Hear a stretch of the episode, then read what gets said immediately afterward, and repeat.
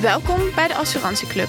Mijn naam is Alexandra Meijer, ik ben redacteur bij AM en samen met Bert Sonneveld, voorzitter van de Federatie van Assurantieclubs, bespreek ik spraakmakende thema's met experts uit de verzekeringsbranche.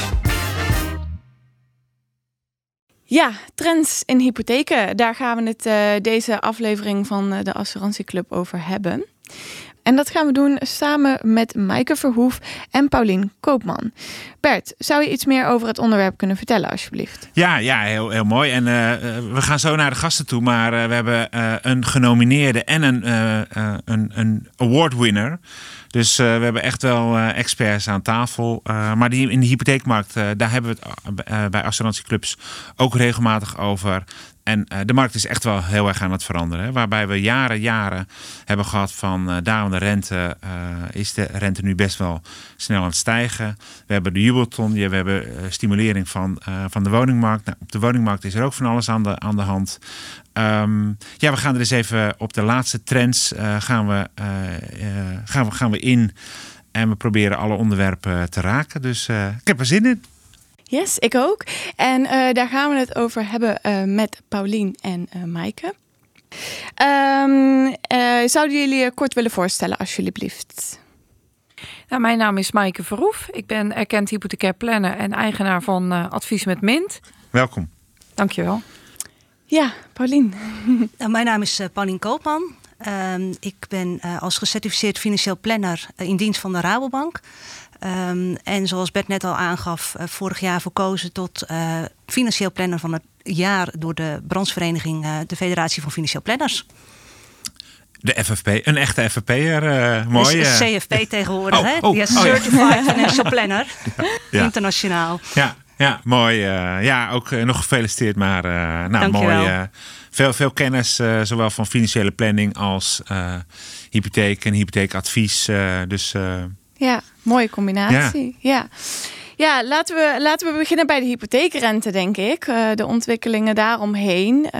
Um, ja, want dat is natuurlijk de afgelopen jaren echt een, een gekke huis geweest. Um, ja, wat voor impact heeft dat op, op jullie werk bijvoorbeeld? Uh, nou ja, wat ik in ieder geval dagelijks bij mijn klanten zie, is dat klanten, komt denk ik ook wel een beetje door de media, best wel in paniek zijn dat die rente zo hard oploopt. En uh, een beetje de neiging hebben van ik moet nu gaan kopen, want nu gaat die rente omhoog. En uh, nou ja, bang voor wat, uh, wat gaat komen.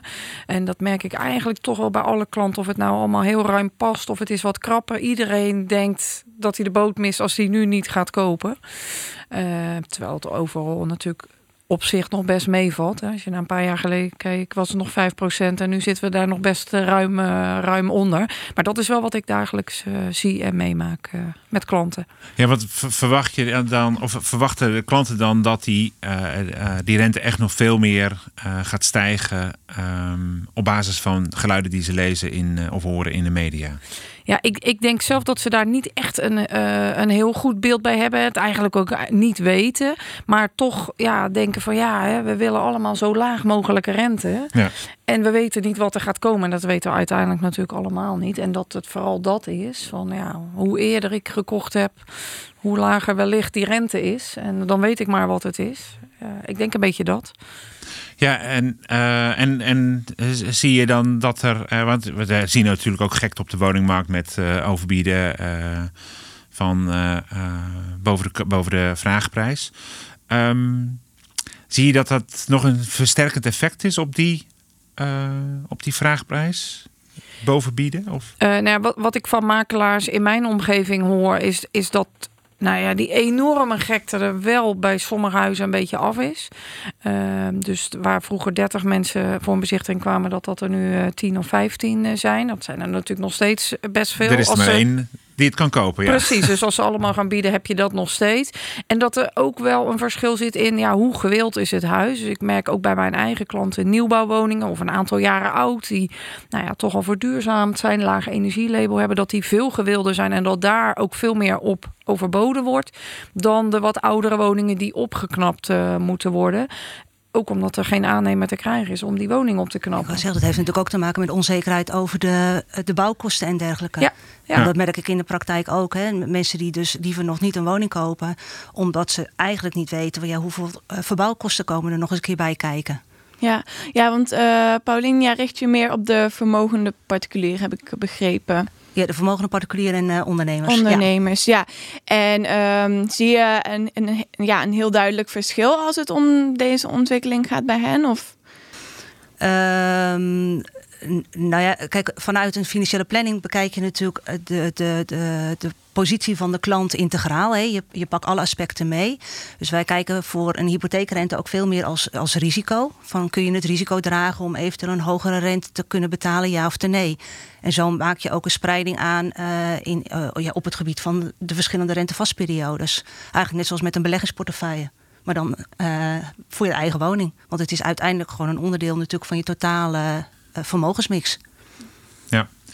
En, en toch nog even terug naar uh, die gekte. Of dat uh, mensen zeggen, ja, moet snel, snel, snel, snel. wat kan je dan als adviseur of als financieel planner daar nog in doen? Want ja, je wil ook niet dat afremmen en dat later blijkt ja, het was inderdaad wel beter geweest om het uh, om, om nu actie te ondernemen. Maar want hoe doe je dat? Uh? Ja, ik denk in ieder geval de rust bewaren voor, uh, voor je klanten. Hè. Zeker als klanten dan toch een beetje nou ja, paniekerig zijn of zich onder druk gezet voelen door wat er gebeurt. Ja, dat je juist als adviseur de rust moet bewaren en juist goed moet kijken, is wel verantwoord wat die klant doet. En ook wat Pauline net zegt. Hè. Ja, kijk ook, kan die klant een rentestijging in de toekomst opvangen? Hè. Met jonge kinderen zeg ik altijd, pak hem dan wat langer vast. Dat je hem over eventueel die die, studieleeftijd van die kinderen uh, heen tilt. Ja, dat het overal wel uh, te betalen is nu, maar ook in de toekomst. Ja. Nee, klopt, eens. Kijk, uh, zolang je natuurlijk integraal naar de totale positie kijkt van een klant, kun je daar uh, ja, inzicht geven. Dat doet een financieel plan eigenlijk. Want ik heb ook geen glazen bol. Ik kan ook niet in de toekomst kijken. Ik weet ook niet zeker wat er gaat gebeuren. Maar zodra je inzicht kunt geven aan de klant, dan kunnen ze op basis daarvan veel beter hun keuze maken.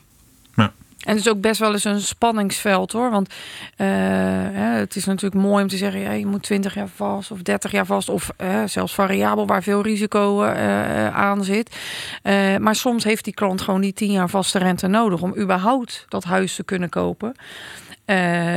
en dan is het ja ga je adviseren om dan tien jaar vast uh, de rente te zetten, hè, zodat dat huis gekocht kan worden? Of is het advies, ja, misschien moet je toch naar een ander huis gaan kijken, want in jouw situatie is het niet verstandig dat over tien jaar die rente afloopt? Hè? Of zijn er andere dingen om dat risico op te vangen? Ja, maar eens. ja. ja. Ja, want uh, nou ja, we hadden het net eventjes over uh, uh, overbieden. Ehm, ja, je hoort wel eens verhalen van ja, met name jongeren dat dat dreigt fout te gaan omdat ze veel te veel betalen nu voor een woning. En nou ja, mochten ze bijvoorbeeld in de toekomst scheiden of op een andere manier hun huis uit moeten en het moeten verkopen, ja, dat er problemen dreigen. Ehm, maken jullie daar ook zorgen over? Absoluut. Zeker, zeker. ja, het is bij mij ook onderdeel van mijn advies en van mijn adviesrapport. Uh, je kunt het niet helemaal natuurlijk uh, uh, voorkomen. Het is ook niet te verzekeren, maar in ieder geval wel bespreekbaar maken. laten zien wat kan je per persoon zeg maar lenen hè, en wat kan je per persoon betalen. En wat betekent dat als je uit elkaar gaat. maar ook kijken verder dan dat, wie wat investeert zeg maar in de woning. He, daar worden vaak ook geen afspraken over gemaakt, zeker bij samenwoners niet. En als ze dan uit elkaar en, gaan. En, dan bedoel je dat ze eh, als ze eigen geld meenemen? Ja, of wie wat betaalt. Ja, ja. He, dus soms is het eh, de ene verdient meer dan de ander en die betaalt dan ook meer. En bij het einde van de relatie heeft de een wat anders bedoeld met die extra betalingen per maand dan de ander. Uh, ja, maar ik heb jarenlang te veel, veel meer betaald. Dus ik wil meer van die overwaarde hebben. En uh, de ander die minder betaald heeft, die had dat toch niet zo begrepen. Uh, dus dat soort dingen probeer ik in ieder geval ook aandacht aan te geven. En dan zeg ik altijd tegen mijn klanten: voor mij is alles goed. Als jullie samen maar over eens zijn en zet het op papier. En eigenlijk doe dat ieder jaar opnieuw. Zet bij wijze van op 2 januari een afspraak in je agenda. Maar we gaan even kijken wie heeft wat dit jaar betaald. En zijn we het er nog steeds over eens dat we het, nou, stel dat het ooit fout gaat, op die manier verrekenen. Ja, want, want daarin speelt bijvoorbeeld ook mee als, als de een uh, uh, bij de koop van de woning de koopskosten uh, betaalt en de ander doet alleen maar, zeg maar, betaalt in principe voor, voor, voor, voor de woning. Ik weet niet of je dat heel erg goed kan splitsen. Maar dat zijn echt wel zaken waar je dan aandacht voor vraagt in het gesprek. Zeker. Ja. En ook schenkingen van, van ouders. Ja, ja. Bijvoorbeeld niet... de jubelton. Zet het goed op papier. wat is er geregeld? Hou het gescheiden. Ja. Heel belangrijk. En is dat belangrijk voor degene die schenkt of degene die het ontvangt? Voor degene die ontvangt. Maar degene die schenkt, die wil ook meestal dat het bij het eigen kind blijft. nee, nee, nee. nee.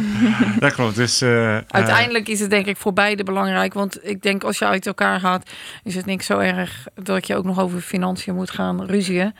Uh, dus het kan maar beter duidelijk zijn wat de afspraken uh, zijn. En dat geldt ook geldt niet eens alleen voor starters of eigen inbreng. Ook overwaarde, fiscaal hypotheekverleden, wat je apart kunt houden of bij samenwoners dan uh, allemaal op één hoop ineens kunt uh, gooien. Wat, ja, wat toch ook uh, vervelende consequenties kan hebben bij een relatie. Klopt, ja.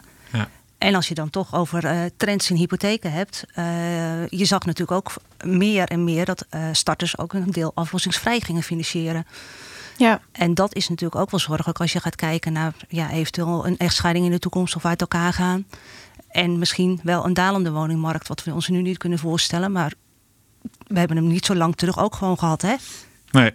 En dan dat, dat je, je woning dus onder water komt staan. En dat je ja. uh, uh, wel, wel zeg maar die aflossingvrije, of dat deel van je hypotheek aflossingvrij hebt. Uh, ja, ja, inderdaad. En dan uit elkaar gaan of nou ja, ook al het verkopen van, van de woning natuurlijk. Ja, klopt. Maar ja, al blijf je bij elkaar en ga je naar een volgende woning. Uh, ik, ik adviseer mijn starters eigenlijk nooit aflossingsvrij. En, maar ik krijg natuurlijk wel eens de vraag. En dan ga ik ze wel met ze in gesprek. En dan zeg ik, ja, stel dat je nu met, ik noem maar wat, 100.000 euro aflossingsvrij begint en je gaat over vijf jaar naar een volgende woning, dan wil je misschien wel anderhalve ton. En dan ga je nog een keer naar een volgende woning en dan worden twee ton of tweeënhalve ton. Hè. Dus als je nu al begint en ook gewend bent aan de wat lagere maandlasten, het gaat zich alleen maar ja, verschuiven naar de toekomst. En ook om die reden uh, ja, ben ik er in ieder geval geen voorstander van. Okay. Misschien toch nog even terug naar de uh, stijgende hypotheekrente. En nou, we weten natuurlijk ook niet wat het, wat het gaat worden. Maar uh, ook nog voor uh, jullie klanten die dan hypotheekrente hebben vastgesteld. Um, wat zou daar uh, bijvoorbeeld iemand die over twee jaar um, zijn rentevaste periode afloopt, wat zou, en die komt bij jullie, wat zou jullie advies daarvoor zijn? Of wat zijn de vragen die je stelt? ook weer kom ik weer met mijn financiële planning. Integraal inzicht geven. Kijken wat, uh, uh, hoe de situatie is over twee jaar. Wat, je, wat de verwachtingen zijn. Uh, wat kost het om nu de rente opnieuw vast te zetten. En dat tegen elkaar afwegen. En de keuze dan bij de klant laten. Ja, ja. Ja, en sommige klanten geven ook aan van ja, het zou me gewoon veel rust geven als ik nu al weet dat ik de komende 20 jaar dit ga betalen. Nou, misschien is het dan financieel niet de allerbeste oplossing om het niet te doen. Wel, ja. Maar ja, als dat voor uh, een goede nachtrust uh, zorgt, kan dat toch een overweging zijn om het nu al te doen. Ja. En ja, je merkt ook die vraag bij klanten, inderdaad, zeker als het over twee jaar afloopt. Van ja, ik, ik word er onrustig van, want ik weet niet wat het over twee jaar is. Ik wil eigenlijk alvast gaan kijken wat kan. Ja. Ja. Ja, en uh, wat, je, wat je ook ziet is dat uh, nou, de mensen die uh, niet hun huis uh, verkopen, willen het dan vaak verbouwen. Want dat is aantrekkelijk met een lage rente. Um, ja, is dat iets wat jullie ook herkennen en, en daar eventueel op aansturen? Om te gaan verbouwen in plaats van verhuizen. Precies, ja.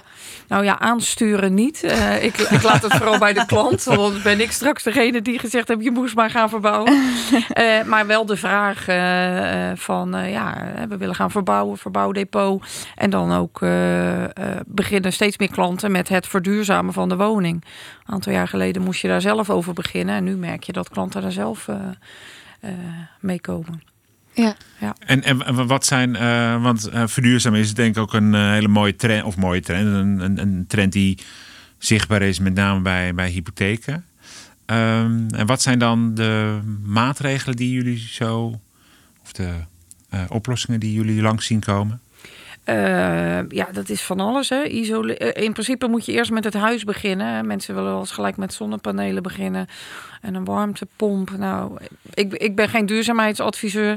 Ik weet er wel iets vanaf. Maar ja. uh, volgens mij moet je eerst met het huis beginnen. Dus eerst isoleren, dubbel glas, ja, dat, dat, dat, er geen energie Precies. weglegt. Ja. Voordat je gaat naar de duurzame energie. Ja. Ja. Ehm, ja, dus dat soort maatregelen. Een cv-ketel die heel oud is, uh, die ja, vervangen moet worden, gelijk wat zuiniger. Ja. ja, het zit hem, ja, vooral in dat soort dingen. Warmtepompen hoor ik nog wat minder. Mensen zeggen, ja, je hoort toch ook nog wel eens van, ja, is het nou de beste oplossing? En ja, uh, past het ook buiten en uh, nou ja, alle nadelen die daarbij horen. ik, ik bemoei me niet zozeer met de maatregelen van mijn klant. Dus ik, ik haal het onderwerp wel aan. Het staat ook in mijn adviesrapport. Ik vermeld dingen over subsidies. Dat bespreek ik ook met ze. Ik, ik wijs ze er ook echt op van, joh, hè, het is echt belangrijk dat die energierekening naar beneden gaat. Dus ga, zeker als je gaat verbouwen, er wat aan doen. Ja. Maar ik, uh, ik ga niet me verder uh, bemoeien met je moet bij die uh, zonnepanelen boeren de zonnepanelen halen. En, dus ik hou het wel wat meer algemeen. En ik ga het ook niet over besparingen hebben.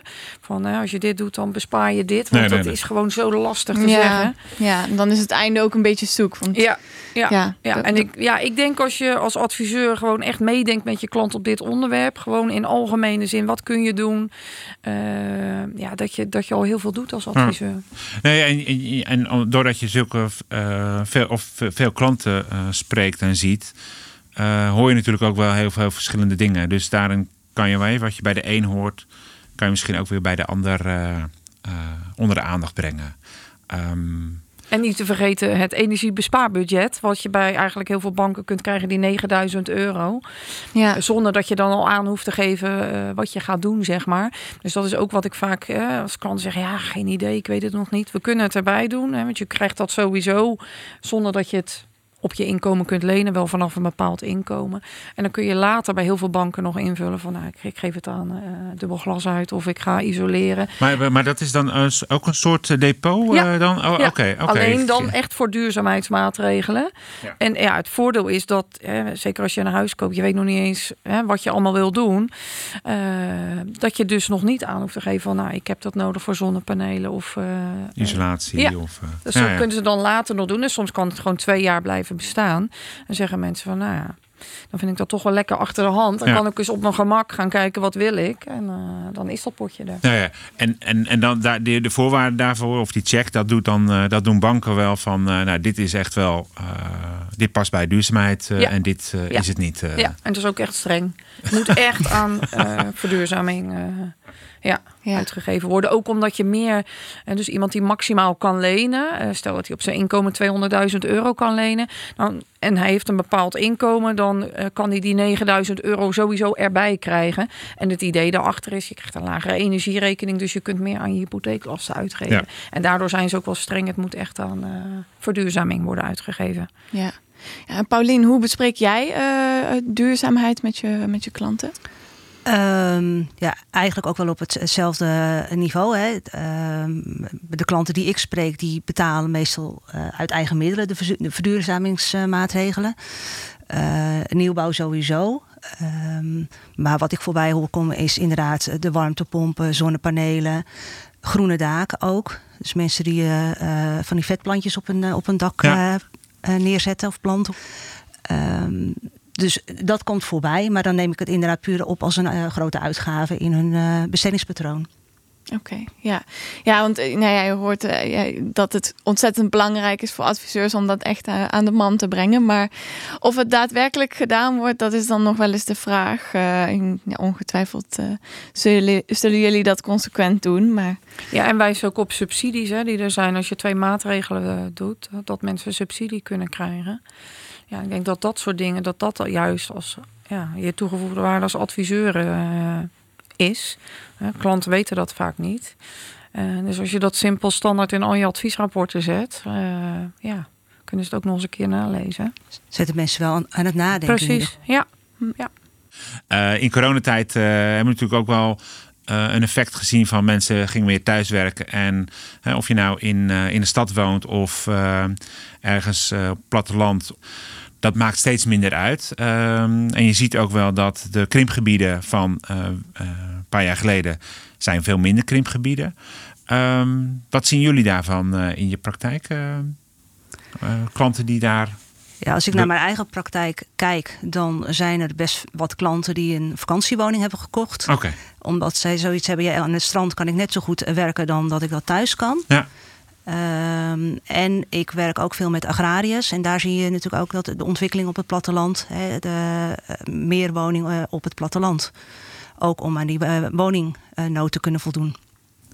Dus dat ze idee hebben om uh, een deel van hun uh, land uh, ter beschikking of om daar woningen op te bouwen. Nee, maar ook ehm, een agrariër die bijvoorbeeld zijn oude schuren kan slopen in ruil voor de bouw van ja, bouwmeters eigenlijk, ja. zodat ze een nieuwe woning kunnen bouwen die dan vervolgens verkocht kan worden of waar ze zelf gaan wonen of een van de kinderen. Ja, oké, okay, oké. Okay. En dat zie je nu ook wat sneller gebeuren, omdat misschien die uh, woningen in de uh, nou ja, buitengebieden, uh, laat ja, dat maar even noemen. Je ziet het natuurlijk in, in, de, in de plaatselijke politiek ook, hè, dat men erop richt van ja, misschien toch wat meer woningen op, op agrarische erven bijvoorbeeld. Dus dat is wel een ontwikkeling die, die gaat komen. En of dat allemaal doorgaat, weet ik ook niet. Maar, maar ehm, en inderdaad, het kopen van een tweede woning om van daaruit gewoon hun werk te kunnen doen. Het zij in het binnenland, het zij in het buitenland. Ja. Nou, ik heb uh, afgelopen jaar, uh, of nou ja, misschien is het al iets langer geleden, maar in ieder geval in coronatijd, uh, een stel geholpen aan een, met een huis, aankoophuis in het oosten van het land. zij wonen in Leiden. Hij woonde in Utrecht, werkte ook in die regio en hebben een boerderij gekocht in het oosten van het land uh, uh, nou ja, om daar dus te gaan wonen. En zij zeiden dus inderdaad van ja, we kunnen overal vandaan werken en dat gaat ook zo blijven. Uh, dus wij gaan gewoon lekker naar het oosten van het land, want dan kunnen we een prachtige boerderij kopen wat we in Utrecht en Leiden niet kunnen nee, betalen. Nee, ja. Dus dat is ook zo'n voorbeeld uh, ja, wat je toch wel zo af en toe uh, ja, voorbij ziet komen. Ja, nou ja, dan heb je ook weer een klant in het oosten. Ja, precies. En als die dan je naam noemen dan. ja. ja, mooi, mooi, mooi. mooi. Um, ja, ik, ik, ik denk dat dat wel ook wel even het onderwerp is over uh, wonen buiten de Randstad of buiten in, in, in, de regio. maar dat is in ieder geval wel iets... Um, Waarin, uh, als we het bijvoorbeeld hebben over de, de tweede woning, een ander onderwerp is, uh, wat uh, altijd ook te maken heeft met financiële planning en hypotheken. En dat is overwaarde. we hebben het net al even gehad over hypotheek of verbouwing en verhuizen of verbouwen. een tweede woning. Maar dat is natuurlijk wel de vraag van. ja, wat zijn vragen die bij, door jullie klanten worden gesteld over de overwaarde? Kinderen helpen uh, met uh, de jubelton. Oké, okay. nu het nog kan. Als er voldoende overwaarde is, zie je toch ook nog eens een enkele keer dat de, ja, mensen, wat oudere mensen, een kleine hypotheek nog hebben en zeggen: Nou, ik kan echt wel wat extra maandlasten dragen. En uh, nou ja, ik heb dat ervoor over om mijn kind aan een woning te helpen. Dus dat is ook wat je af en toe ziet, wat er met de overwaarde gebeurt. Hm. En de discussie uh, met betrekking tot de overwaarde van blijft de woning in box 1 of uh, gaat hij misschien toch een keer stiekem naar box 3? Ja, want, want dat, dat, uh, dat soort nou ja, verwachtingen of angstbeelden of hoe, hoe, je het, hoe je het noemt, dat speelt ook echt wel mee in je adviespraktijk. Klopt. En ook ehm, de vraag van de klant: van ja, wat als ik bijvoorbeeld niet meer thuis kan blijven wonen en ik moet naar een verzorgingshuis ja, als de woning verkocht wordt, uh, dat soort zaken. Ja. He, moet, moet, ik, moet ik dat geld eerst zelf opmaken? Of op welke manier kan ik dat inzetten? Ja, om en men maakt kinderen... zich dan ja. uh, toch altijd heel erg druk over de hoge eigen bijdrage natuurlijk in de zorginstelling. Ja. Klopt, dus dat zijn wel uh, vragen die, die voorbij komen in de praktijk. Of eventueel woning in de toekomst overdragen aan de kinderen. Dus dan krijg je ook weer te maken met schenkingaspecten. ja. En dat zijn, uh, nou, dat zijn uh, ja, leuk, leuk om daar um, vanuit je professie natuurlijk over mee te denken. En nou, te zorgen dat je klanten een goed advies of een goed, goede beslissing kunnen nemen. Eens, ja. Ja, ja want die, die jubelton wordt afgeschaft, hè, begreep ik. Of is afgeschaft? Officieel wordt die verlaagd per 1 januari 2023 tot de, de andere hoge vrijstelling die er is. Mhm. Mm -hmm. uh, en dan ja, wordt die, eigenlijk wordt die gewoon afgeschaft. Maar ja, officieel niet. Ja, ja, ja. ja. en dan is Ja. het zo dat als je dus nu dit jaar uh, die schenking ontvangt, dan moet die uiterlijk in 2024 besteed zijn aan de eigen woning of aflossen van de hypotheek. Ja, ja. Ja, dus dan zien jullie waarschijnlijk ook dat, uh, nou, de, dat de druk wel toeneemt om daar nog gebruik van, uh, van te maken. Um, ja, Uiteraard. Uh, maar goed, hij is natuurlijk al best wel heel lang ook geweest, zeg maar. Ja, dus als je het nu nog niet hebt ingezet. Ja, nou goed, er zijn natuurlijk hey, altijd. moet wel oud genoeg zijn. ja, klopt. Er zijn natuurlijk altijd weer nieuwe jonge mensen de laatste jaren. Dus de druk zal er zeker zijn. Maar het is niet dat ik dat nou ja, heel vaak tegenkom van. ja, we moeten kopen vanwege die. ook misschien omdat hij toch nog iets verder weg uh, misschien dat het einde van het jaar wat meer uh, gaat komen. Ja, ja dat je ja. net voor ja. uh, 1 januari daar ja. wat een opleving Wat meer vragen over krijgt van ja, hè, nu kan het nog om hem over te maken, zeg maar. ja, en wat je merkt hè, natuurlijk bij klanten die al eerder een ander kind hebben geschonken, die willen natuurlijk alle kinderen gelijk stellen. Ja. Um, en daarvan zie ik dat die klant nu ook zegt: van ja, goed, die schenking ga ik even goed doen en dan maar schenkbelasting betalen. Het is niet anders. Ja, ja, ja. Nee, ja, dat, uh, ja, nee, dat, dat uh, snap ik als je, als je nou ja, je kinderen gelijk wil, wil behandelen wat ja. dat betreft. ja. En dan moet het niet afhangen van, afhangen van wat de overheid aan belastingregime Nee, eens. Nee. Nee, klopt. En uh, nou, nu we, we hebben het gehad over overwaarde. En nou, stel dat er dan sprake is van um, verhuizing, het koop van een, van een nieuwe woning. Um, wat, wat te doen met uh, de. Wat zijn de vragen uh, uh, die jullie stellen aan de klanten om de oude hypotheek mee te nemen of, of een nieuwe af te sluiten? Ja, ik denk dat het nu de komende jaren, uh, zeker als misschien de rente toch nog wat op blijft lopen, dat de verhuisregeling steeds uh, ja, vaker ingezet zal worden. Dus dat uh, mensen die met die rentes van 2%, ja, dat ze die mee willen nemen naar, naar de nieuwe woning. Afgelopen jaar hebben we dat juist bijna niet gehad. Nee. Iedereen met die 5% aan kwam zetten. Maar ik, ik verwacht wel dat dat nu ja, steeds meer voor zal gaan komen. Ja. En zijn er zaken waar klanten dan rekening mee moeten houden? Van uh, uh, uh, eisen die banken stellen of hypotheekverstrekkers? Of... Ja, dat is per hypotheekverstrekker verschillend hoe de verhuisregeling eruit ziet. Ja. ja, een beetje algemene trend is dat als je je huis verkoopt, overdraagt, dat je dan nog meestal zes maanden de tijd hebt om hem te koppelen aan een nieuwe woning. Nou, de meeste mensen verkopen op dit moment pas als ze een nieuwe woning hebben gekocht. Gaan ze eerst naar de nieuwe woning, dan pas verkopen. Dus dan kan dat bij de meeste banken kan dat wel. Ja. Maar er zijn dus nou ja, ook wat regels over. Stel dat je toch eerst verkoopt, je huis overdraagt, hoe snel je dan een nieuwe woning moet kopen om die rente mee te oh, Oké, okay. dus, dus als je uh, zegt, nou, ik verkoop eerst mijn huis. Ik ga eruit huren ik ga even, even, even huren. Daar zit wel een bepaalde periode ja. uh, waar En dat verschilt dan per ja. bank hoe soepel ze daarin zijn. Ja. ja. Oké, okay, en uh, bij ondernemers en vermogende particulieren, Paulien, nog issues wat dat betreft als het gaat om uh, hypotheek meenemen, uh, vragen die je daarbij stelt? Uh, Nee, meestal zeker bij ondernemers met een BV maak je de afweging inderdaad van uh, als, uh, als je een rijke BV heeft van lenen bij de eigen BV of lenen bij een bank. Ja. Uh, dat zijn aspecten die meespelen. en het meenemen van, van de eigen hypotheek is net wat uh, maar ik kan natuurlijk ook wel zegt van ja, welk rentepercentage heb je nu, welke voorwaarden heb je nu. En die kun je dan afzetten tegen de nieuwe voorwaarden. Ja. Wat misschien wel leuk is om te vertellen, misschien herken je het wel, uh, Paulien. Heel veel mensen die denken het meenemen van de hypotheek, dan krijg ik die altijd. Want die heb ik al. Die neem ja. ik mee mm -hmm. naar mijn nieuwe woning. Dus ja, hoezo? Uh, moet er dan iets getoetst worden? dat maak ik regelmatig mee dat mensen zo denken. Dan zeg ik altijd, ja, je verhuist alleen de rente mee. Je krijgt gewoon echt een nieuwe hypotheek. En het wordt allemaal weer opnieuw beoordeeld. Uh, maar heel veel consumenten denken, ja, meenemen van die hypotheek. Ja, ik heb hem al, dus krijg ik gewoon ja, weer opnieuw. Ik heb hem, keurig ja. iedere maand uh, betaal ik ervoor. Ja. Dus daar, daar zit geen... Er zit geen issue. Ja. Toch even. Uh... Ja, ik heb zelfs een keer een klant gehad die dacht dat een aflossingsvrije lening ook daadwerkelijk aflossingsvrij was. Dat hij die oh. niet hoefde af te lossen. ja, ja, maar is ook zo'n term inderdaad. Ja. ja. ja.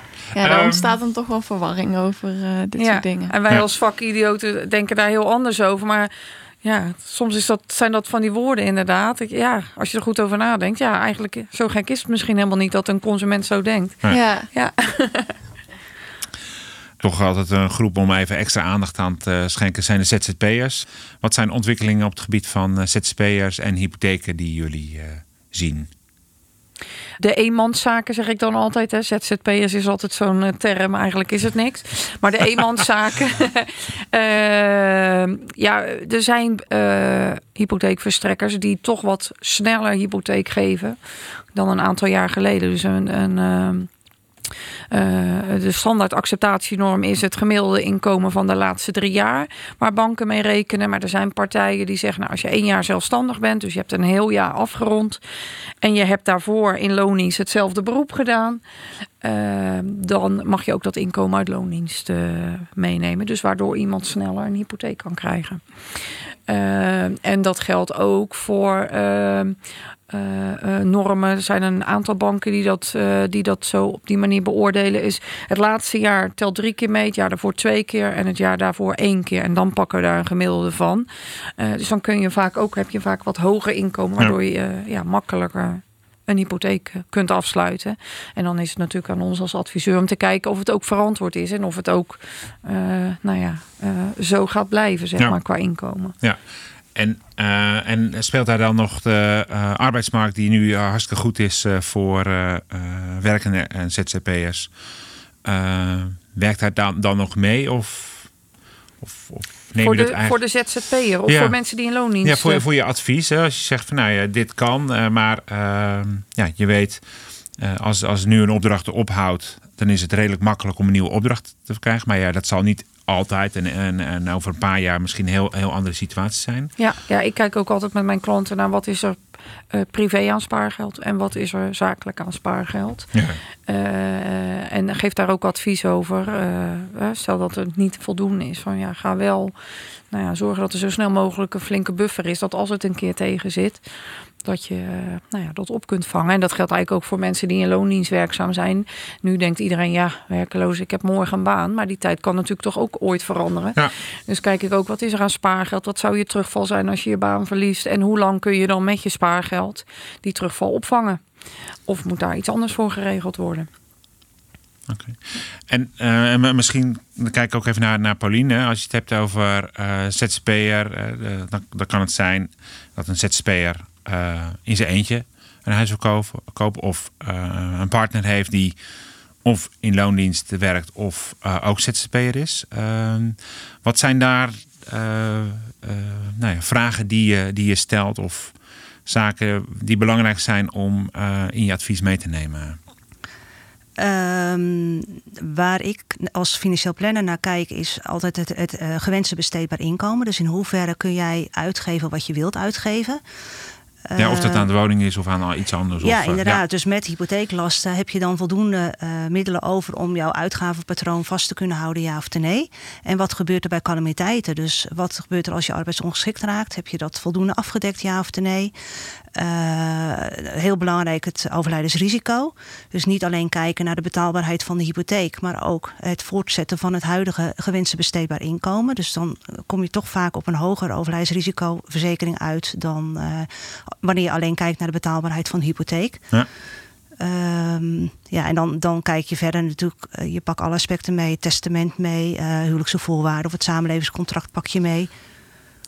Ja, en, uh, en, en even of het, of het twee ZZP'ers zijn of een ZZP'er en iemand loondienst of twee mensen die een loondienst... Voor, dat maakt voor mij financiële planning niet uit. Het gaat om het inkomen wat zij verwachten te realiseren in de komende periode. En uh, of zij ZZP'er zijn uh, die misschien geen opdracht meer krijgt... of iemand die in loondienst is die volgend jaar wordt ontslagen. Uh, ze hebben beide geen inkomen meer. Nee, nee, nee. nee. Tenminste, afhankelijk van het arbeidsverleden natuurlijk van iemand die in loondienst is. Maar... Nee, dat, dat, dat, dat snap ik. En, ehm, ehm, maar, maar het risico op het wegvallen van, van, van inkomen is bij beide... Ja, en dat maak je inzichtelijk. en dan is het aan de klant inderdaad... want het is geen verplichting om dat te verzekeren. Maar het is aan de klant of je dat dan wel of niet wil. Ah, ik denk dat je als adviseur gewoon ook echt uh, ja, met je klant moet kijken of naar je klant moet kijken van ja, wat doet hij? En hoe is de verwachting uh, dat dat uh, ja, blijft gaan, zeg maar. En hoe kijkt ook de klant daar zelf naar? Klanten hebben daar vaak ook wel een heel goed beeld bij, ook als het misschien niet meer zo goed gaat over een tijdje. En als hij dat dan toch aangeeft, van ja, best wel onzeker. Of ik heb nu één opdrachtgever en als die weggaat, heb ik echt een probleem. Uh, ja, dan moet je daar toch denk ik wel eh, met je klant samen naar gaan kijken. Maar ja, is het dan nu wel verantwoord om bepaalde financiële verplichtingen aan uh, te gaan? Hm. Ja. ja, ik hoorde wel een beetje in terug dat eigenlijk het, nou ja, wellicht een, een vooroordeel over ZZP'ers wel weggenomen is in de afgelopen jaren. Dat ze, ja, moeilijk een hypotheek kunnen krijgen. Ja, nee, dat, dat, dat, ja, tuurlijk moet je wel uh, aan bepaalde eisen voldoen en bepaald inkomen hebben. Uh, maar als je gewoon ja, uh, een goed inkomen verdient en goede cijfers hebt, dan ja. is dat zeker mogelijk. ja. Ja. ja. ik, zit te denken, en dat is een, een, vorige podcast, dus daar hoeven we niet op in te gaan. maar dat ging over arbeidsongeschiktheid en verzekeren. En ja. Of uh, of ga je dat op een andere manier, een broodfonds? Of uh, nou, toen hadden share people aan tafel. Dus uh, nou, daar moest ik wel even, even weer aan denken. Ja, om, zeg maar, die toekomstige... Die, luister die ook vooral, inderdaad.